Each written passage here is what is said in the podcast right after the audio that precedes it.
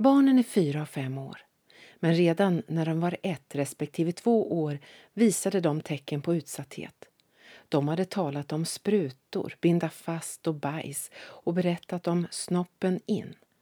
Pojkarna hade juckat mot varandra, utfört oralsex, stoppat saker i analen och visat andra självskadebeteenden. De har också visat tecken på drogpåverkan. Familjerätten ansåg först att fadern var olämplig som ensam vårdnadshavare på grund av sin missbruksbakgrund. Men om mamman fortsatte framföra sin ogrundade oro, lät barnen läkarundersökas och anmälde pappan så borde han få ensam vårdnad. Cirka 20 orosanmälningar hade gjorts till socialförvaltningen.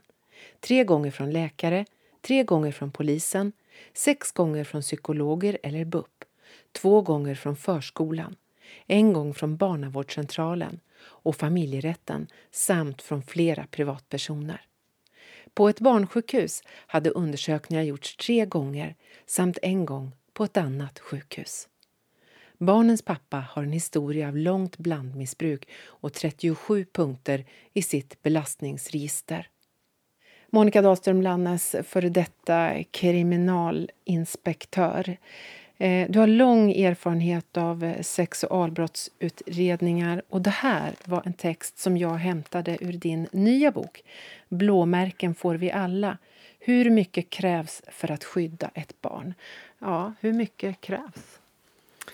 Ja, väldigt mycket när man eh, läser min bok. För det är ju den här misslyckade fallen där barn inte har blivit trodda, inte blivit lyssnade på och inte fått skydd och hjälp utan tvärtom tvingas tillbaks till förövare. Eh, och då vill jag säga också att eh, jag beskriver myndigheters övergrepp på barn, som jag kallar det för, men att det finns många bra fall. Men de beskriver jag inte här, men de finns naturligtvis. Men det jag reagerar på är att det är så många barn som far illa på det här sättet. Att man har eh, satt det i system eh, att eh, inte tro på barn och inte tro på deras eh, eh vårdnadshavare, de som eh, gör anmälan, oftast mammor som eh, börjar lyssna på sina barn. De, väldigt många gör ju inte det utan tänker nej det är bara jag som tror och jag överdriver och, och, och så vidare. Men när de verkligen eh, eh, försöker söka hjälp och, och anmäla så, så, så går det så här illa väldigt ofta numera. Mm. mm. Monica, du har 40 års erfarenhet av att jobba med de här frågorna. Eh, du mm. började som polis och hamnade i just det här facket med att eh, lära dig och lära om sexualbrott mot barn. Och du har jobbat med någonting som heter Eskilstuna-modellen. Du har tagit fram, 1991 så skrev ju du boken Mot dessa, våra minsta. Och nu så kommer du ut med ytterligare en bok. Eh, vad har hänt på de här åren, sen din första bok? Ja, det är så intressant. För när vi, vi startade Eskilstuna-modellen eh, så eh, hade jag ju väldigt tur som fick så bra samarbete med socialtjänsten, eh, med åklagare, med läkare, med psykologer eh, där vi satte barnet i fokus. Och där vill jag verkligen lyfta fram socialtjänsten som på den tiden eh, förvarnade mig som polis att nu kommer vi in med en polisanmälan. Så att det gick väldigt fort och man gjorde verkligen anmälan. Eh, Idag så är det inte alls säkert att man gör det, fast man borde göra det.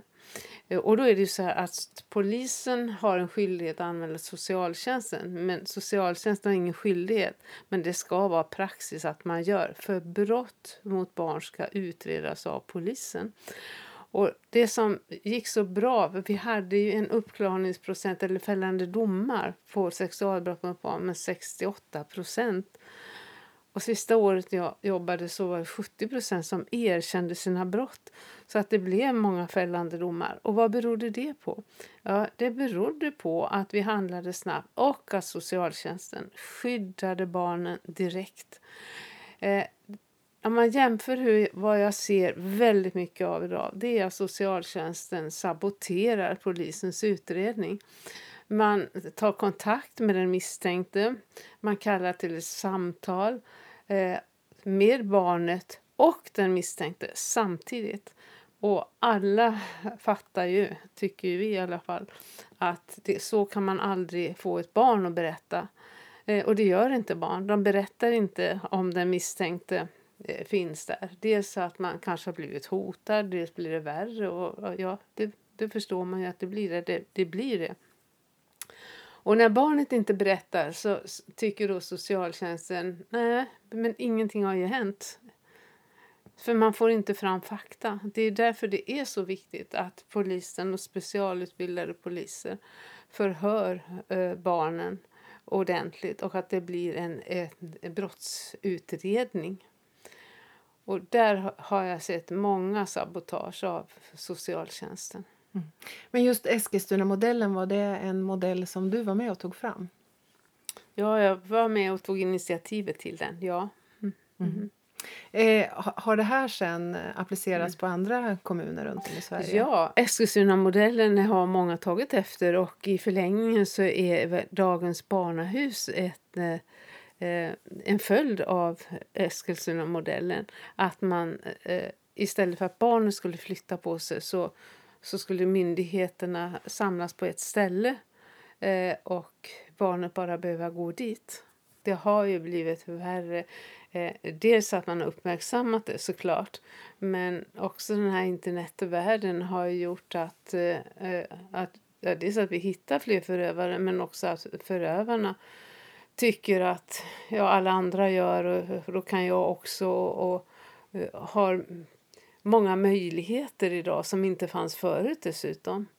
Och det ser vi ju, det är faktiskt många tillslag också nu som polisen gör och eh, man hittar många förövare men det är ju långt ifrån tillräckligt. Mm. När du gick i pension så slutade inte du jobba med de här frågorna utan mm. du har varit en flitigt mm. anlitad mm. föreläsare och du har varit med i många mm. olika sammanhang för att både hjälpa och stötta och, och se mm. på sådana här fall. Eh, hur kommer det sig att du har fortsatt? Ja, jag orkar nog för jag är så arg. Jag är så arg över att det inte blir en förändring utan bara blir värre. Och jag får ju väldigt mycket samtal och, eh, eh, och det blir bara fler och fler som far så illa. Både de som försöker hjälpa barnen och barnen själva förstås. Så jag känner bara att man måste, det måste till en förändring och en attitydförändring. Det påstås ofta i, i olika sammanhang att man ska vara försiktig. För när kvinnor berättar om, om övergrepp på barn så är det deras sätt att, att hämnas mot en man som eh, eh kanske vill ha... Eh, eller man hotar med skilsmässa eller, och då använder man barnet. Till, eh, och de fall som jag har varit med så har jag inte sett att det utan det sista man trodde var att man skulle begå övergrepp på barnen. Och sen har vi ju våldet mot kvinnorna också som är vanligt också av samma personer. Ja, man utgår ifrån att kvinnor ljuger och också att barn ljuger eller barn är påverkade. Och det jag ser nu är att det, det, det, finns hur mycket bevis som helst egentligen men man bortförklarar det. Och hur, man, eh, hur socialtjänsten eh, skriver till exempel, varnar mamman om det blir en orosanmälan till oberoende vem som har gjort den. Då kommer du att mista hela vårdnaden och umgängesrätten. Det är helt obegripligt att man kan göra så. Och också man säger, ja du gick ju till läkare, då måste ju läkaren skriva eh, en orosanmälan så det är ju ditt fel. Och man litar då inte på att läkaren gör en professionell bedömning. Och det är ju väldigt oroväckande. Och det är precis som i mm. texten som jag läste här inledningsvis mm. att oavsett då när det fanns så många ja, bevis ja. eller ja. som även både läkare och mm. andra skriver på mm. att det faktiskt har, det här barnet är utsatt mm. och ändå håller inte det rättsligt. Nej, nej det, det, finns så mycket som man bortförklarar. Men hur kan man göra det när det ja, finns det är det bevis? Man, jag inte förstår. Jag mm. förstår inte det. Och sen är det så här, det du läste upp nu, det fanns en, ännu fler domar efter eh, det här avsnittet du läste upp mot den här mannen. Men mamman har fortfarande inte fått tillbaka sina barn. Och då är det ju konstigt för att om du söker jobb på en förskola så får du inte det jobbet om du finns med i brottsregistret eller brottsbelastnings, brottsbelastningen. Men det här för det finns, fanns ju hur mycket som helst i brottsregistret. Man tycker ändå att han är ju pappa i alla fall. Mm. Med tanke på barnkonventionen att man mm. oftast faktiskt utgår från föräldrarnas rätt till sina barn istället för barnens rätt till trygghet, ett tryggt liv. Ja, exakt. Man fokuserar helt på fel. Utan man, man tycker att det här är en skiss mellan föräldrarna och börjar man titta på barnet vad är det barnet behöver? Vad är det barnet vill? Och anknytningen, det tycker jag är så intressant. Esmeralda som, som ju mördades. Eh, där pratar man ju mycket om anknytningen till fostermamman och, eh, eller fosterfamiljen och hur viktigt det var. Men i de här fallen så kan barnet ha levt hela barndomen med en mamma men ska bara flyttas över till en helt okänd person ibland. Det är helt obegripliga eh, domar. Och eh, jag tänker också på de finska barnen för eh, mina föräldrar hade en finsk Monica som vi sa. Och eh, jättefin kontakt och allt gick bra men nu efteråt så, börjar man se på de här barnen så otroligt illa de for av att mista anknytningen till sina egna föräldrar. Det var de som kom under andra världskriget? Precis. Och eh, man gjorde så gott man kunde såklart och man trodde det var rätt. Men idag vet vi ju att, att skiljer man barn tidigt så är det här oerhört skadligt för barn. Men i de här fallen bryr man sig inte alls om att ta upp den frågan heller. Mm. Så det är verkligen riktiga tragedier. Men barnkonventionen då? Hur tog väger den? Det gör inte det. Och eh, jag vet att jag träffade eh, Stefan Löfven innan barnkonventionen, eller när den hade eh, trätt i kraft och frågade hur, han, hur man skulle tillämpa den. Men då sa han, ja vi tillsätter en ny utredning. Och det är en lag, men eh, fortfarande finns det ju inget, ingen som har brutit mot det på det sättet att man vet inte hur man ska använda den.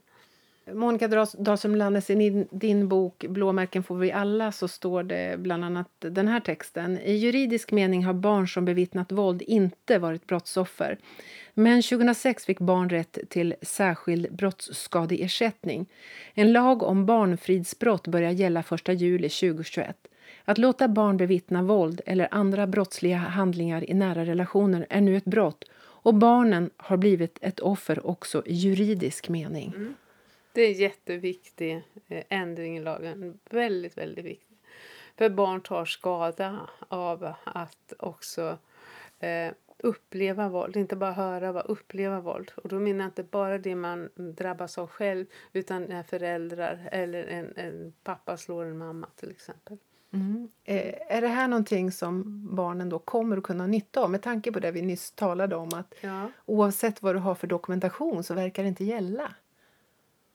Nej, då är det ju det här igen att du ska bevisa, du ska bevisa brott. Du skriver att en förtvivlad pappa kontaktar mig. Hans dotter har berättat om mammans våld och aggressiva utbrott. Föräldrarna har delad vårdnad men pappan har begärt enskild vårdnad och domstolen ger den misstänkta mamman hela vårdnaden. Pappan visar ett filmat polisförhör där den femåriga flickan berättar hur mamman beter sig och säger att det är hos pappan hon vill bo för att han är snäll. Mamman bekräftar att våld förekommit vilket antecknas i socialförvaltningens journaler. Men eftersom hon erkänner aggression mot flickan anser socialtjänsten att mamman inte längre kommer att bära hand på sin dotter.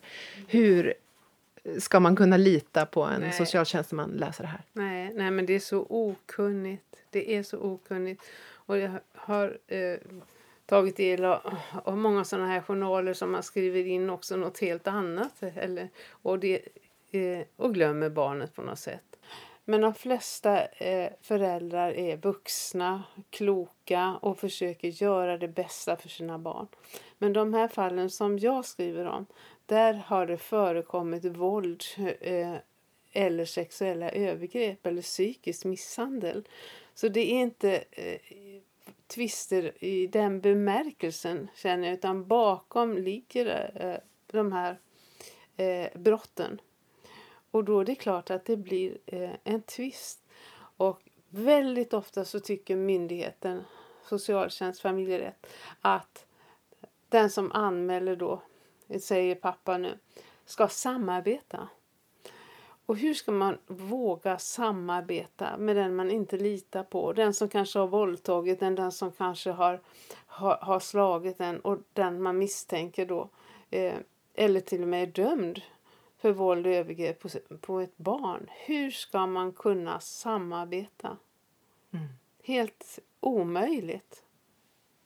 Med tanke på din resa genom åren när det gäller just det här med sexuella övergrepp på barn och våld i nära relation. Eh, du kände att du behövde skriva en bok eftersom det är mycket som inte fungerar inom mm. varken socialtjänsten, rättsväsendet.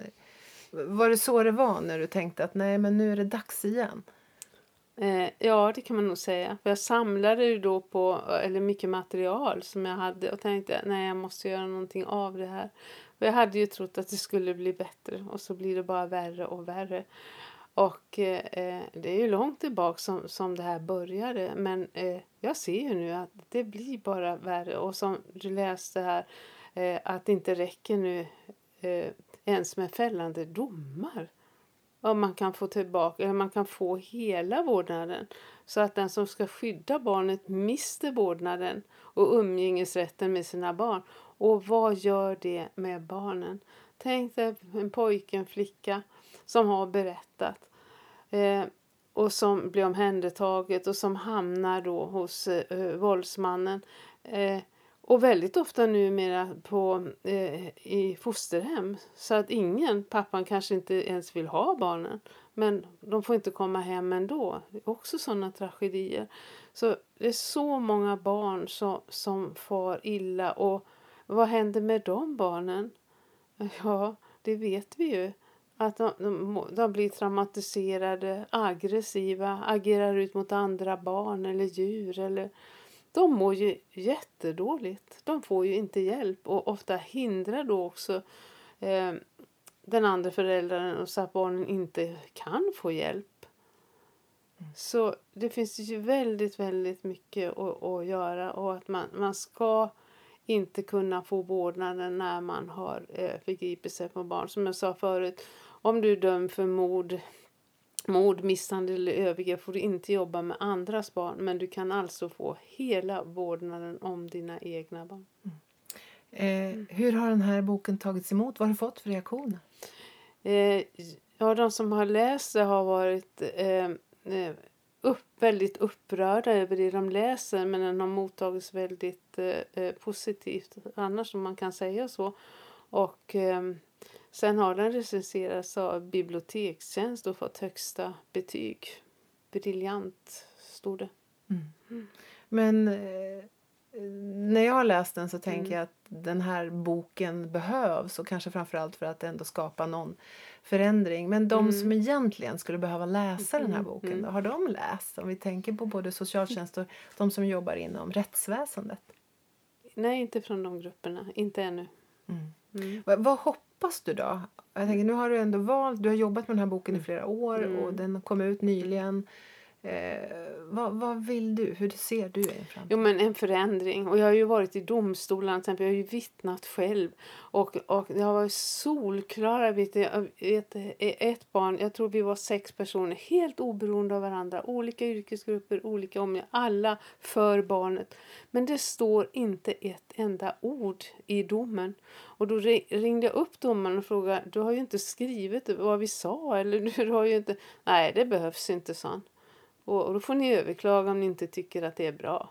Alltså, sådana domstolar kan vi ju inte ha som inte lyssnar. Och det upplever jag ju att eh, det är de, de som behöver det. Om de har någon empati så måste de ju inse vad de gör eh, mot de här barnen. Och att man måste eh, lyssna på allvar. Mm. Det, det, gör man inte bevisligen. Nej, nej. Eh, alltså så här hårresande domar som man... Och det har jag också träffat nämndemän som hoppar av nu. Som har, är jätteduktiga, skriver skiljaktiga meningar och, och eh, för barnet och så vidare. Men som säger att de orkar inte längre. De tycker att domstolarna är så, så både okunniga och fega eller eh, Ja, jag vet inte vad det är. För vi tycker ju att det är sunt förnuft också som kunde räcka i vissa fall. Men de vill inte jobba som nämndemän längre därför att de tycker att det är så svårt att höra eh, domaren. För det är ofta domaren som för talan när man ska skriva domen och så vidare. Att de inte vill. Och det oroar mig mycket också för vi behöver eh, många, många fler eh, nämndemän med barnkunskap. Och hela domstolen tycker jag då skulle, eh, vi har ju pratat om det och vill ha en barndomstol. Men, eh, några är tveksamma. Men jag tycker att man skulle ha det. Alltså man skulle ha fokus på barnet och se vad barnet har utsatt för och, och, och ur olika aspekter. Och det här med anknytning som vi pratade om förut. Mm. Men eh, hur lång tid ska det här få ta då innan man har lärt sig det här då för att ändå sätta barnen i fokus återigen och deras trygghet? Det var en bra fråga. Nu skulle helst ske en förändring. Mm. Och det, det är ju märkligt med den kunskap och det är så många, inte bara jag, många, många, många som har slagit larm. Men det slår inte igenom på något sätt. Man bryr sig inte om det och det anmäls till JO och JK. Det händer inget. Det finns inga sanktioner och du frågar om barnkonventionslagen. Nej men det finns inga sanktioner annars heller. Det anmäls till IVO, det anmäls, men det händer ingenting. Det händer ingenting. Och JO lägger ofta ner med vändande post och säger att det här tänker vi inte granska. Varför är det så? Mm. Monica, du har ju alltså även efter att du gick i pension valt att ändå syssla med de här frågorna och verkligen djupdyka i det här. Vad får, vad får du mm. för reaktioner från människor runt omkring dig? Nej, men jag får ju väldigt mycket stöd och väldigt mycket tacksamhet från de som också har blivit hjälpta. Och ehm, eh, det är ju det, vad ska jag säga, det, det fantastiska när man har eh, lyckats hjälpa. Och kanske inte hjälpt då för stunden men att det har ändå hjälpt att man vet att eh, eh någon har kämpat för en. Och också och det talar jag om för alla mammor och pappor som kämpar för sina barn. Att dokumentera allting, skriv upp vad ni gör och så vidare. För en dag så kommer barnet att fråga och då ser de vad ni har kämpat och vad ni har försökt göra ändå. Att det var inte ert fel utan det var samhällets fel som inte lyssnade. Mm. Det är ju känsligt att prata om såna här frågor och som sagt eh, många väljer som mm. vi ser då hör att sticka huvudet i sanden. Men jag läste ett stycke i boken här som jag vill referera till. Du skrev i en annan kommun underrättas en pappa av socialtjänsten att jag har gjort en orosanmälan angående hans dotter. Han får stöd på Facebook av sina vänner. En av dem skriver Monica Dahlström Lannes är en jävel. Mannen är lärare i en annan stad och har ingen aning om vad den aktuella flickan har berättat. Och mig har han aldrig träffat. Mm. Vad, vad, vad, känner du när du får den här kritiken? Ja, nej, alltså... Jag bryr mig inte särskilt mycket. Jag tycker det är bara så obegåvat. Alltså, eh, att slänga ur sig på internet och inte veta någonting. Han vet faktiskt inte. Han känner mig inte. Och han är lärare. Och då tänker man väl mer så här. Jaha, hur fungerar han då som lärare om man beter sig så här? Mm. Eh, hur länge orkar du då, tänker jag? Ja, det är frågan. Jag blir ju äldre också såklart. Och, eh, men ett tag till orkar jag nog. eh, övergrepp på heltid eller deltid var en sån här fet rubrik mm. som jag såg och som jag hajade till. Och där står det, du får välja som min advokat. Ditt barn blir fortsatt utsatt för övergrepp mm. eller förlorar sin mamma. Vilket är värst? Mm. Händer det här? Ja, hela tiden. Det gör det har flera barn som inte får träffa sin mamma överhuvudtaget. Och eh, de försöker, och, och, idag är det faktiskt så att advokater till och med säger till sina klienter och mamma att ni får inte prata om det här med övergrepp för gör ni det då kommer domstolen att tycka att ni är såna här jobbiga mammor som eh, inte vill samarbeta. Så det, det är faktiskt hårresande. Eh, det, här, det man hör och ser i de här fallen. Mm. Vad tänker ja. du om medias roll i såna här ärenden? Jag tycker det har varit en stor feghet i de här frågorna. Och, och det är många som har försökt berätta sina historier. Och eh, jag har ju också försökt såklart. Eh, och då är det eh, journalister som vill, eh, verkligen vill lyfta fram det också. Det finns. Eh, men det stannar alltid när det ska eh, tryckas eller skrivas eh, eller sändas. För då vågar man inte. Då säger man ord står mot ord. Och eh, eh, sen finns det ju de som säger direkt att nej, det kan vi inte skriva om för det är för laddat. Eller för jobbigt att ta del av, att det är svårt att, att bilda sig en uppfattning. Så därför har det inte lyfts fram. Alltså det, det är väldigt märkligt att man inte har gjort det på ett, eh Eh, ett riktigt sätt och ett, ett, eh, sakligt sätt. Men man är väldigt, väldigt rädd för att och, och, eh, också bli stämd. För de här männen stämmer ju ofta den som berättar. Och det vet vi ju idag att kvinnor, det är ju... Eh, jag kom, tror det är tolv kvinnor som har åkt dit för förtal när de har berättat sin historia. Och eh, jag har efterlyst faktiskt någon som, som man som har berättat och som... Det, det här har inte hänt än att det finns en sån fällande dom. Utan det är kvinnor som fälls för förtal när de berättar sin historia. Mm. mm. Att ha en mamma som man kanske aldrig får träffa mer är en rubrik i din bok. Det finns ingen som kan fatta hur det är att ha en mamma som man kanske aldrig får träffa mer. Det är ingen som fattar vilket dåligt liv jag har. Flicka, åtta år, i samtal med en barnpsykolog. Vad har vi egentligen för samhällsansvar mm. för de här barnen som inte får träffa sina föräldrar ja, helt enkelt? Ett stort, stort ansvar.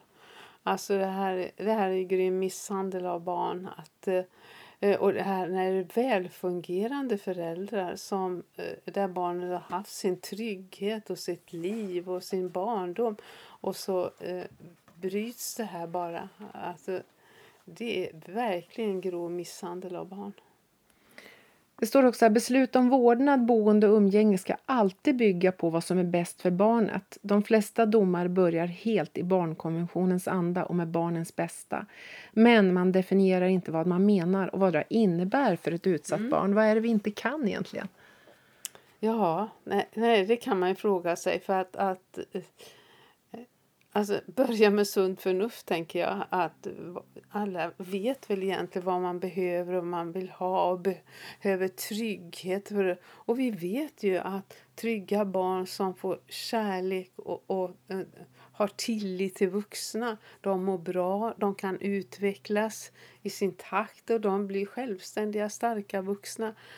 Men här har ni du många, många trasiga barn. Dels av det trauma som, som våld och övergrepp innebär men också nästa trauma, att bli skild från en förälder som du älskar och att barn ska få komma till tals. De har yttrandefrihet men vi måste ju se till att de får yttra sig och att det tas på allvar. Idag säger man 12-årsgräns så ska barnens vilja beaktas och de kan beaktas tidigare. Men även om barnet eh, säger att jag vill bo hos den här, här, mamman eller den här pappan så tar man dem inte på allvar. Utan man gör om det efter en vuxen. Det är väldigt svårt att förstå de här tankegångarna. Hur kan det bli så här? Eller är, är myndighetspersoner så avstängda har jag tänkt ibland. Hur kan det vara möjligt att man fattar sådana här beslut? Och i domstolarna som ja, man häpnar faktiskt över vissa beslut. När du fortfarande var yrkesverksam var ju du med och utbildade poliser mm. i deras arbete. Mm. Eh, är det här någonting som har fortsatt eller utvecklats på något sätt? Jo, men det har det. det har, eh, den statusen har höjts och de har vidareutvecklat utbildningarna. Det. Och jag, eh, det var fantastiska år, de första åren. Eh, för det var ungefär lika många män som kvinnor och de var otroligt engagerade och eh, nu är de flesta eh, har gått i pension. Men jag minns det med glädje hur, hur varma och, och, och, fina och de ville verkligen. Och, Och det finns många eh, fina historier som de här poliserna kunde berätta sen att det, det ja, de gjorde skillnad för många barn. Under de här Mm. åren som du har åkt land och rike runt och föreläst, då, Mm. vad, vad är det för människor du möter? Vad berättar de? Ja, det har ju varit mest professionella som jag har, som jag har träffat och, de, eh, och då är det ju så att de eh, som är intresserade, det är de som kommer. Det är fortfarande komma fram människor till mig och säga att, att ja, för 20 år sedan eller 30 år sedan så lyssnade jag på det. Och, och eh, jag är jätteglad att, eh, att det finns så många som vill så mycket eh, eh, bra. Men vi måste ju ta vara på dem och ge dem möjligheter också. För det är många förtvivlade eh, eh, yrkesmänniskor runt. Både poliser och, och socialarbetare som vill väl. Eh, domare, nämndemän som jag sa. Men som inte når ända fram dem heller. Så att eh, vi behöver faktiskt en revolution när det gäller de här. För det är många fall. Det är inga undantag längre. Det här är så vanligt. Så man borde alltså göra en, eh, en undersökning eller forska på det här. Hur, eh, eh, hur ser konsekvenserna ut efter de här fallen, efter de här domarna? Hur blev det för barnen? Och så, som jag säger, det är riktiga tragedier för många barn som far så illa och några eh, tar ju livet av sig. Men har du träffat eh, vuxna som var barn när, de, ja, när du kom Mm. in i bilden som har berättat om ett liv som blev bättre? Finns de fallen? Ja, jo men det gör det. Det gör det. Och ofta beror det också på att de har haft en stark mamma till exempel som alltid har funnits där. Och även om de inte fick träffas just då så mycket som man ser till att fylla på med kärlek och, och, och um, vad säger, peppa dem med kraft och hopp. Att det ska bli bättre, det ska gå och jag gör allt jag kan för dig. Så att barnen vet det. Och de här äkta känslorna de finns och de känner barn och det, det, det hamnar rakt i hjärtat. Så det är ändå eh, inte alltid lätt att förstöra barn helt och hållet. Även om många försöker så finns det här starka här inne. Du citerar ju också Astrid Lindgren i din bok. Att Mm. får man mycket kärlek så brukar det mesta reda sig. Även i Ja, motgång. ja men, men så är det. det. Det, det är ju jätteviktigt för alla barn att få kärlek och trygghet och växa upp i en, en god miljö. Och att vi ser till att ändra det om det inte är så. Mm. Monica Dahlström Lannes, din bok finns ju ute som sagt. Blåmärken eh, får vi alla. Eh, ser du någon ljusning? Finns det något liksom hopp för barn som ska växa upp i, i Sverige och i övriga världen? Jo, men mycket har ju gått framåt. Otroligt mycket också. Och vi har lagar fast vi kanske inte alltid tillämpar dem och så vidare. Och men nu är det så mycket mörker överhuvudtaget i världen. Och det är krig och katastrofer och elände.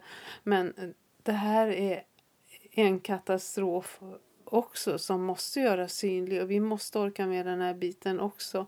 För de här barnen far illa i tysthet. Då vill jag ta upp en bild som jag har på min näthinna. Det är två europeiska män som går på en strand med eh, två pojkar. Eh, och där du fotograferar de här bilderna. Kan du berätta vad det var som hände? Jag var i, eh, i Gambia med vänner och gick på stranden och då får jag se två eh, vita män som går med två eh, mörka pojkar i, i handen, varsin hand och ska eh, gömma sig bakom en vik.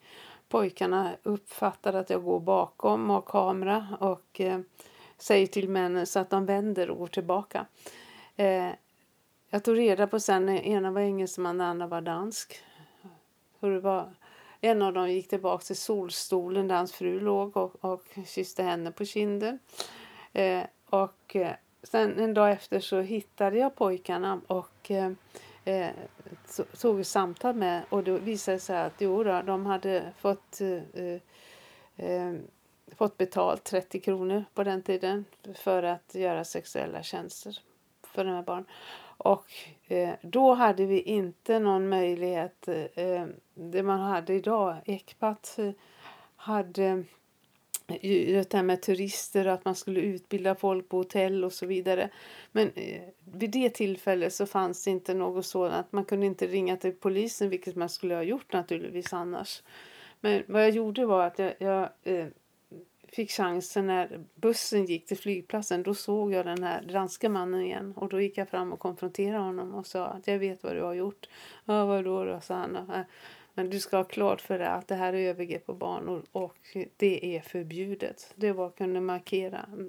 Idag hade jag gjort annorlunda och eh, idag är, ska det finnas eh, nätverk för att det är förbjudet att ta in barn på hotell. Och, och, och, nästa gång jag åkte dit så var det det. det var, och det fanns poliser som man skulle kunna anmäla till. Och eh, jag vet inte hur väl det fungerar nu men det har ju hänt jättemycket inom polisen. Och om man går in på polisens hemsida finns det ju också så man kan anmäla. Det är många turister ser idag. Övergrepp på barn eh, när de är på semester och ta fram kameran och se till att, eh, att hjälpa till i, i det här, den här snårskogen också. För där finns mycket att, att göra. Och den här bilden som du säger, den, eh, den har ju varit på helsidor i, i, eh, i svenska tidningar men den blev också en omslagsbild på ECPA Sveriges internationella bok. Och jag vet att den till och med hamnade i FN. Monica Dahlström Rannes, tack för det här samtalet och för det här mötet. Tack själv.